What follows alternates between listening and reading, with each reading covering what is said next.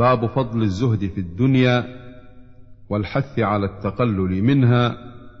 وفضل الفقر قال الله تعالى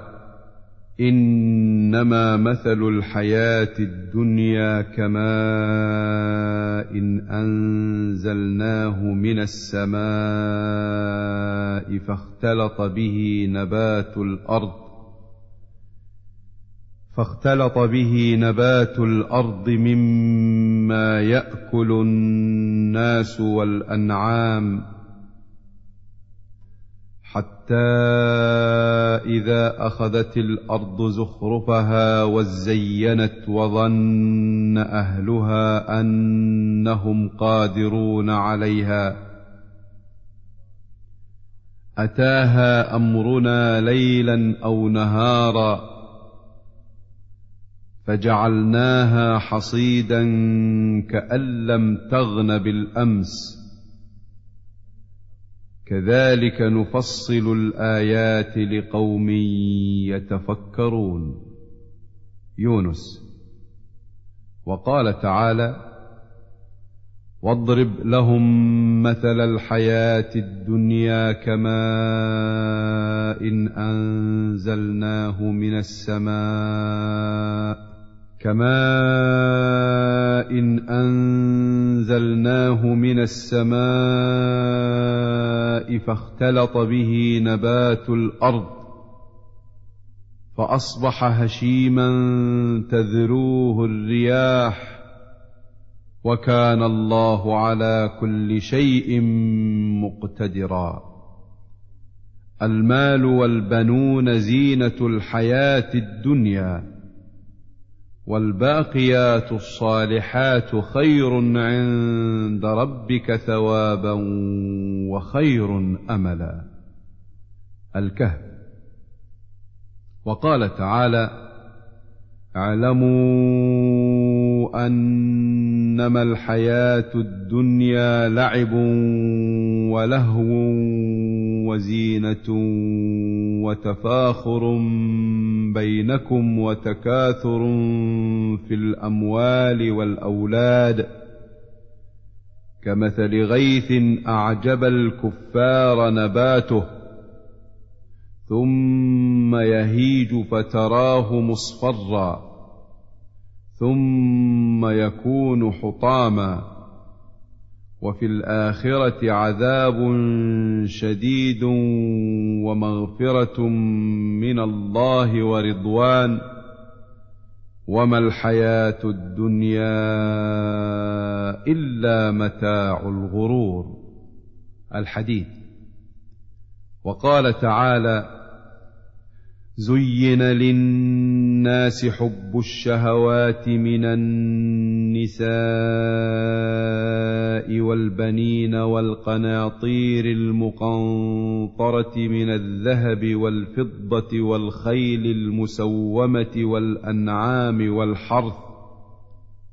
ذلك متاع الحياة الدنيا والله عنده حسن المآب آل عمران وقال تعالى يا ايها الناس ان وعد الله حق فلا تغرنكم الحياه الدنيا ولا يغرنكم بالله الغرور فاطر وقال تعالى الهاكم التكاثر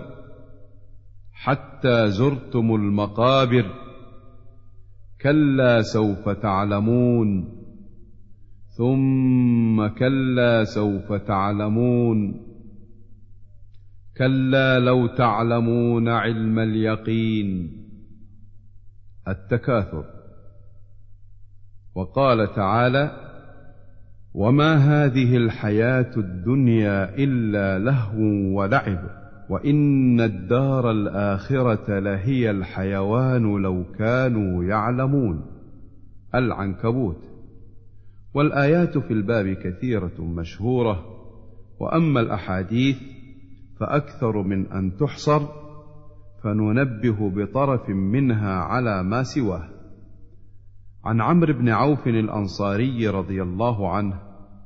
ان رسول الله صلى الله عليه وسلم بعث أبا عبيدة بن الجراح رضي الله عنه إلى البحرين يأتي بجزيتها فقدم بمال من البحرين فسمعت الأنصار بقدوم أبي عبيدة فوافوا صلاة الفجر مع رسول الله صلى الله عليه وسلم فلما صلى رسول الله صلى الله عليه وسلم انصرف فتعرضوا له فتبسم رسول الله صلى الله عليه وسلم حين راهم ثم قال اظنكم سمعتم ان ابا عبيده قدم بشيء من البحرين فقالوا اجل يا رسول الله فقال ابشروا واملوا ما يسركم فوالله ما الفقر اخشى عليكم ولكني اخشى ان تبسط الدنيا عليكم كما بسطت على من كان قبلكم فتنافسوها كما تنافسوها فتهلككم كما اهلكتهم متفق عليه وعن ابي سعيد الخدري رضي الله عنه قال جلس رسول الله صلى الله عليه وسلم على المنبر وجلسنا حوله فقال ان مما اخاف عليكم من بعدي ما يفتح عليكم من زهره الدنيا وزينتها متفق عليه وعنه ان رسول الله صلى الله عليه وسلم قال ان الدنيا حلوه خضره وان الله تعالى مستخلفكم فيها فينظر كيف تعملون فاتقوا الدنيا واتقوا النساء رواه مسلم وعن انس رضي الله عنه ان النبي صلى الله عليه وسلم قال اللهم لا عيش الا عيش الاخره متفق عليه وعنه عن رسول الله صلى الله عليه وسلم قال يتبع الميت ثلاثه اهله وماله وعمله فيرجع اثنان ويبقى واحد يرجع اهله وماله ويبقى عمله متفق عليه وعنه قال قال رسول الله صلى الله عليه وسلم يؤتى بانعم اهل الدنيا من اهل النار يوم القيامه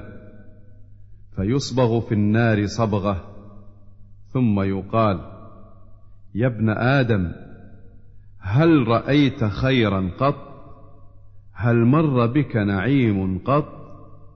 فيقول لا والله يا رب ويؤتى باشد الناس بؤسا في الدنيا من اهل الجنه فيصبغ صبغه في الجنه فيقال له يا ابن ادم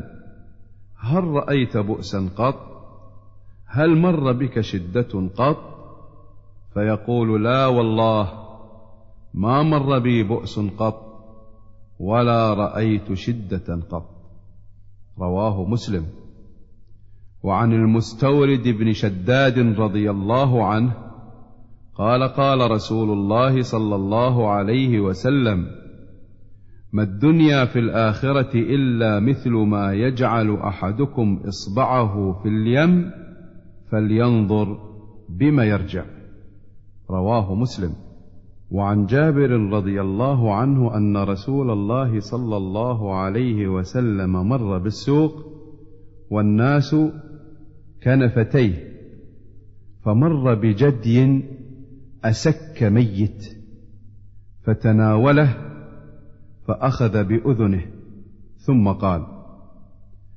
ايكم يحب ان يكون هذا له بدرهم فقالوا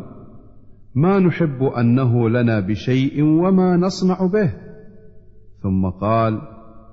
اتحبون انه لكم قالوا والله لو كان حيا كان عيبا انه اسك فكيف وهو ميت فقال فوالله للدنيا اهون على الله من هذا عليكم رواه مسلم قوله كنفتيه اي عن جانبيه والاسك الصغير الاذن وعن ابي ذر رضي الله عنه قال كنت امشي مع النبي صلى الله عليه وسلم في حره بالمدينه فاستقبلنا احد فقال يا ابا ذر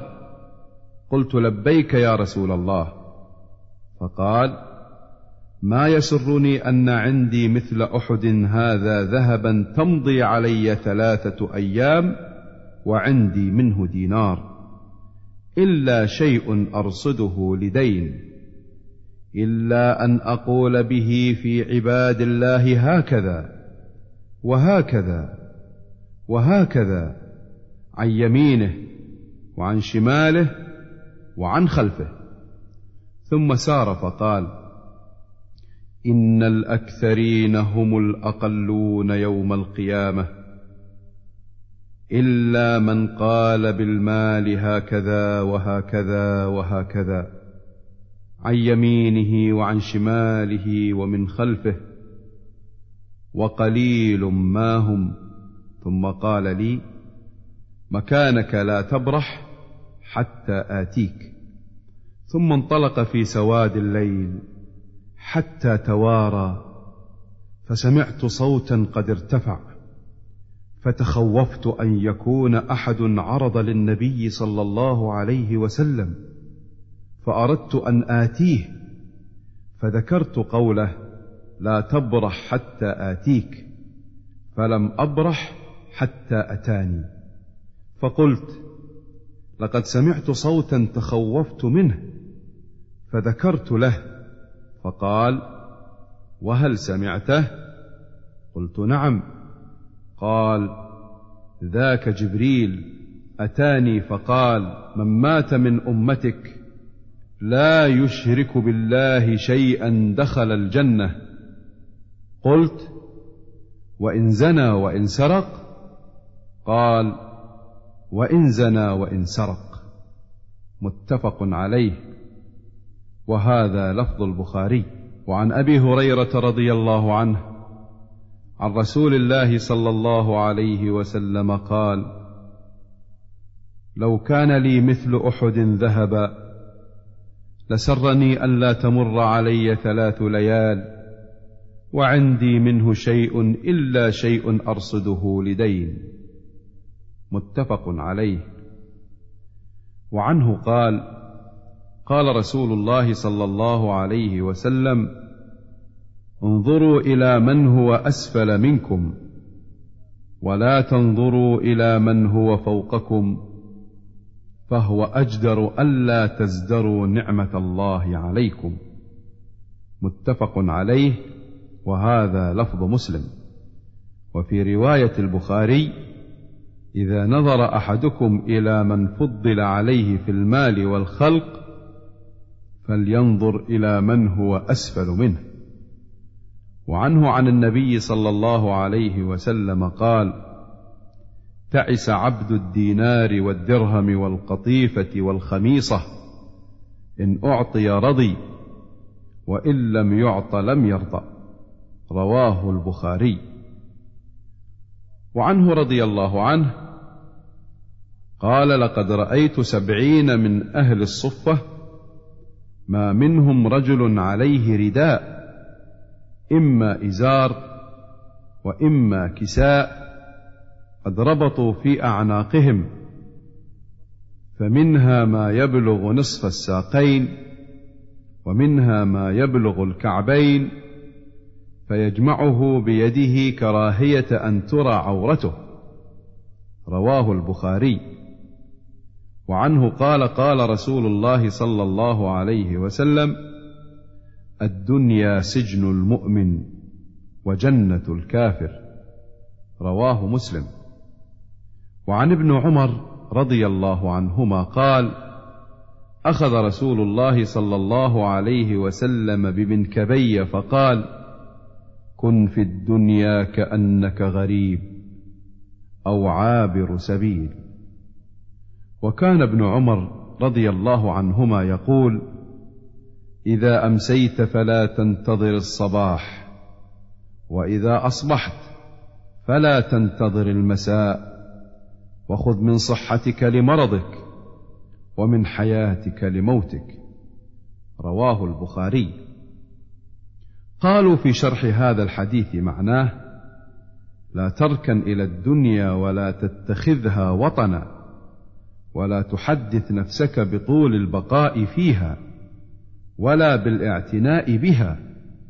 ولا تتعلق منها الا بما يتعلق به الغريب في غير وطنه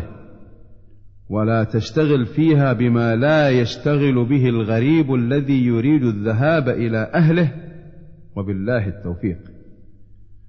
وعن ابي العباس سهل بن سعد الساعدي رضي الله عنه قال جاء رجل الى النبي صلى الله عليه وسلم فقال يا رسول الله دلني على عمل اذا عملته احبني الله واحبني الناس فقال ازهد في الدنيا يحبك الله وازهد فيما عند الناس يحبك الناس حديث حسن رواه ابن ماجه وغيره باسانيد حسنه وعن النعمان بن بشير رضي الله عنهما قال ذكر عمر بن الخطاب رضي الله عنه ما اصاب الناس من الدنيا فقال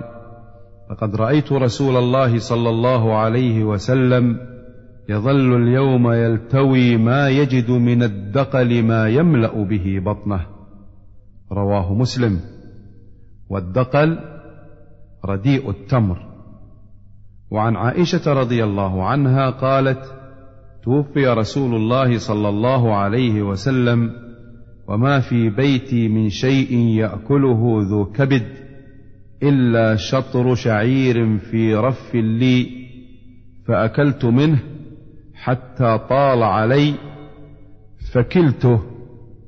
ففني متفق عليه شطر شعير اي شيء من شعير كذا فسره الترمذي وعن عمرو بن الحارث اخي جويريه بنت الحارث ام المؤمنين رضي الله عنهما قال ما ترك رسول الله صلى الله عليه وسلم عند موته دينارا ولا درهما ولا عبدا ولا امه ولا شيئا الا بغلته البيضاء التي كان يركبها وسلاحه وارضا جعلها لابن السبيل صدقه رواه البخاري وعن خباب بن الارت رضي الله عنه قال قال هاجرنا مع رسول الله صلى الله عليه وسلم نلتمس وجه الله تعالى فوقع اجرنا على الله فمنا من مات ولم ياكل من اجره شيئا منهم مصعب بن عمير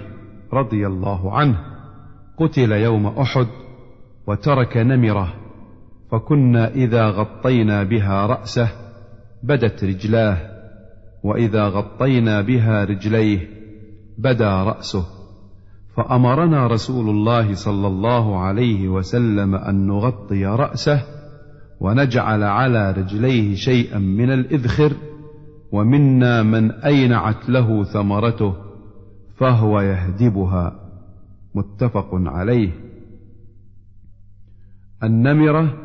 كساء ملون من صوف وقوله اينعت اي نضجت وادركت قوله يهدبها اي يقطفها ويجتنيها وهذه استعاره لما فتح الله تعالى عليهم من الدنيا وتمكنوا فيها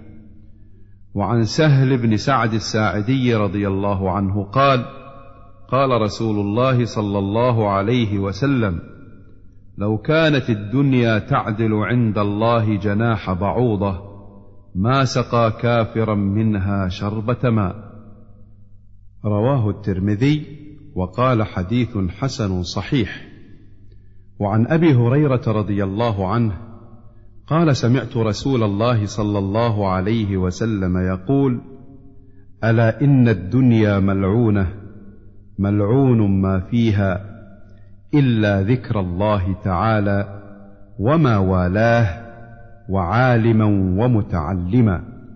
رواه الترمذي وقال حديث حسن وعن عبد الله بن مسعود رضي الله عنه قال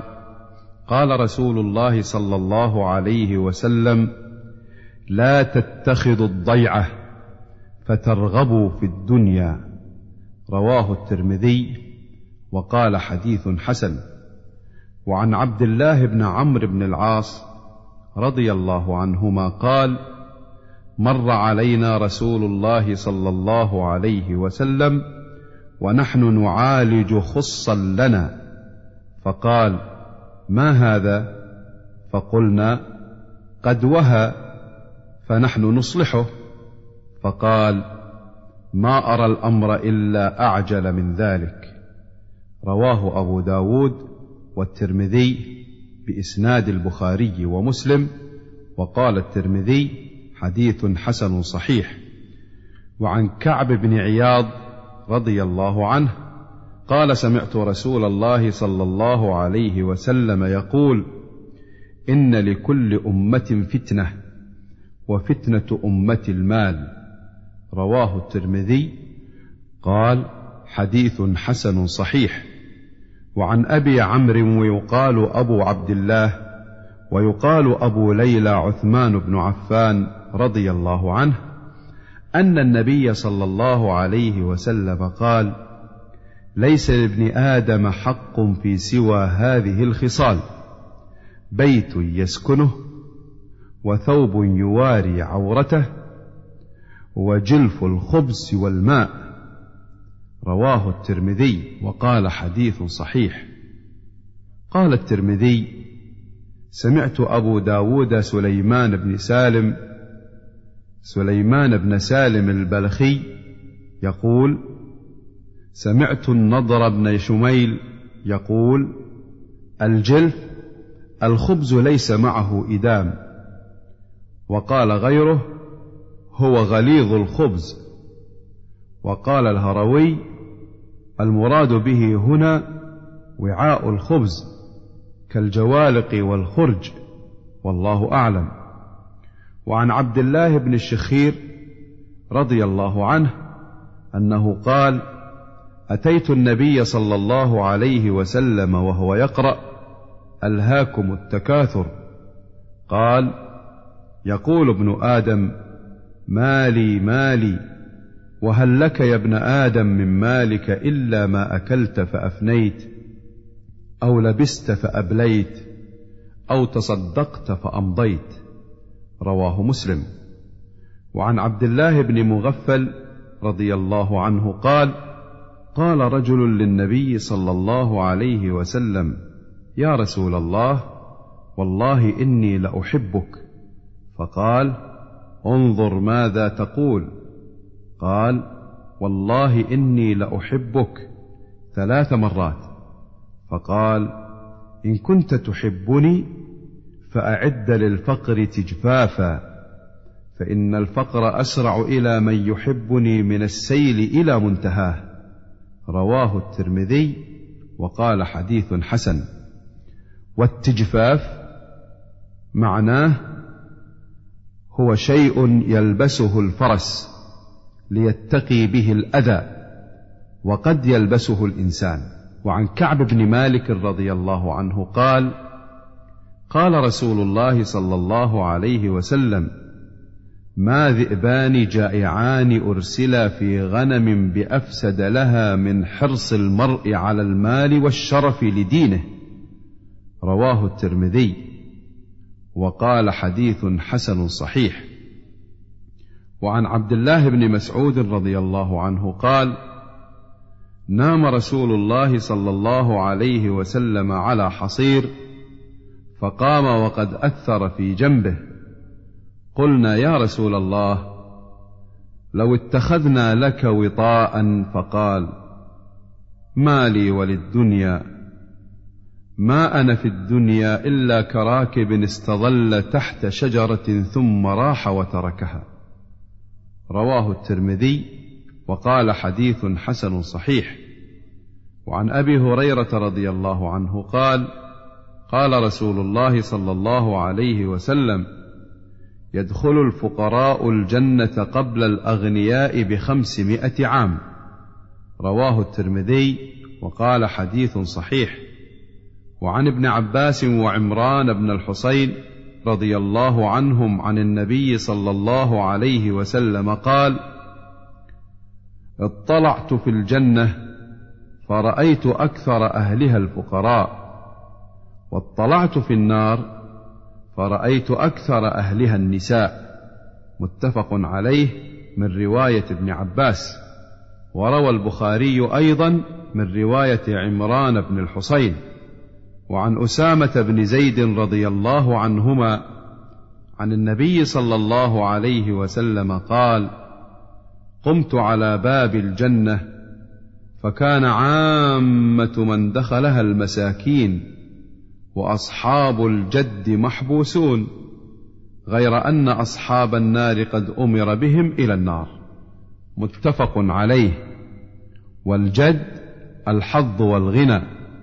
وقد سبق بيان هذا الحديث بباب فضل الضعفه وعن ابي هريره رضي الله عنه عن النبي صلى الله عليه وسلم قال اصدق كلمه قالها شاعر كلمة لبيد ألا كل شيء ما خلا الله باطل متفق عليه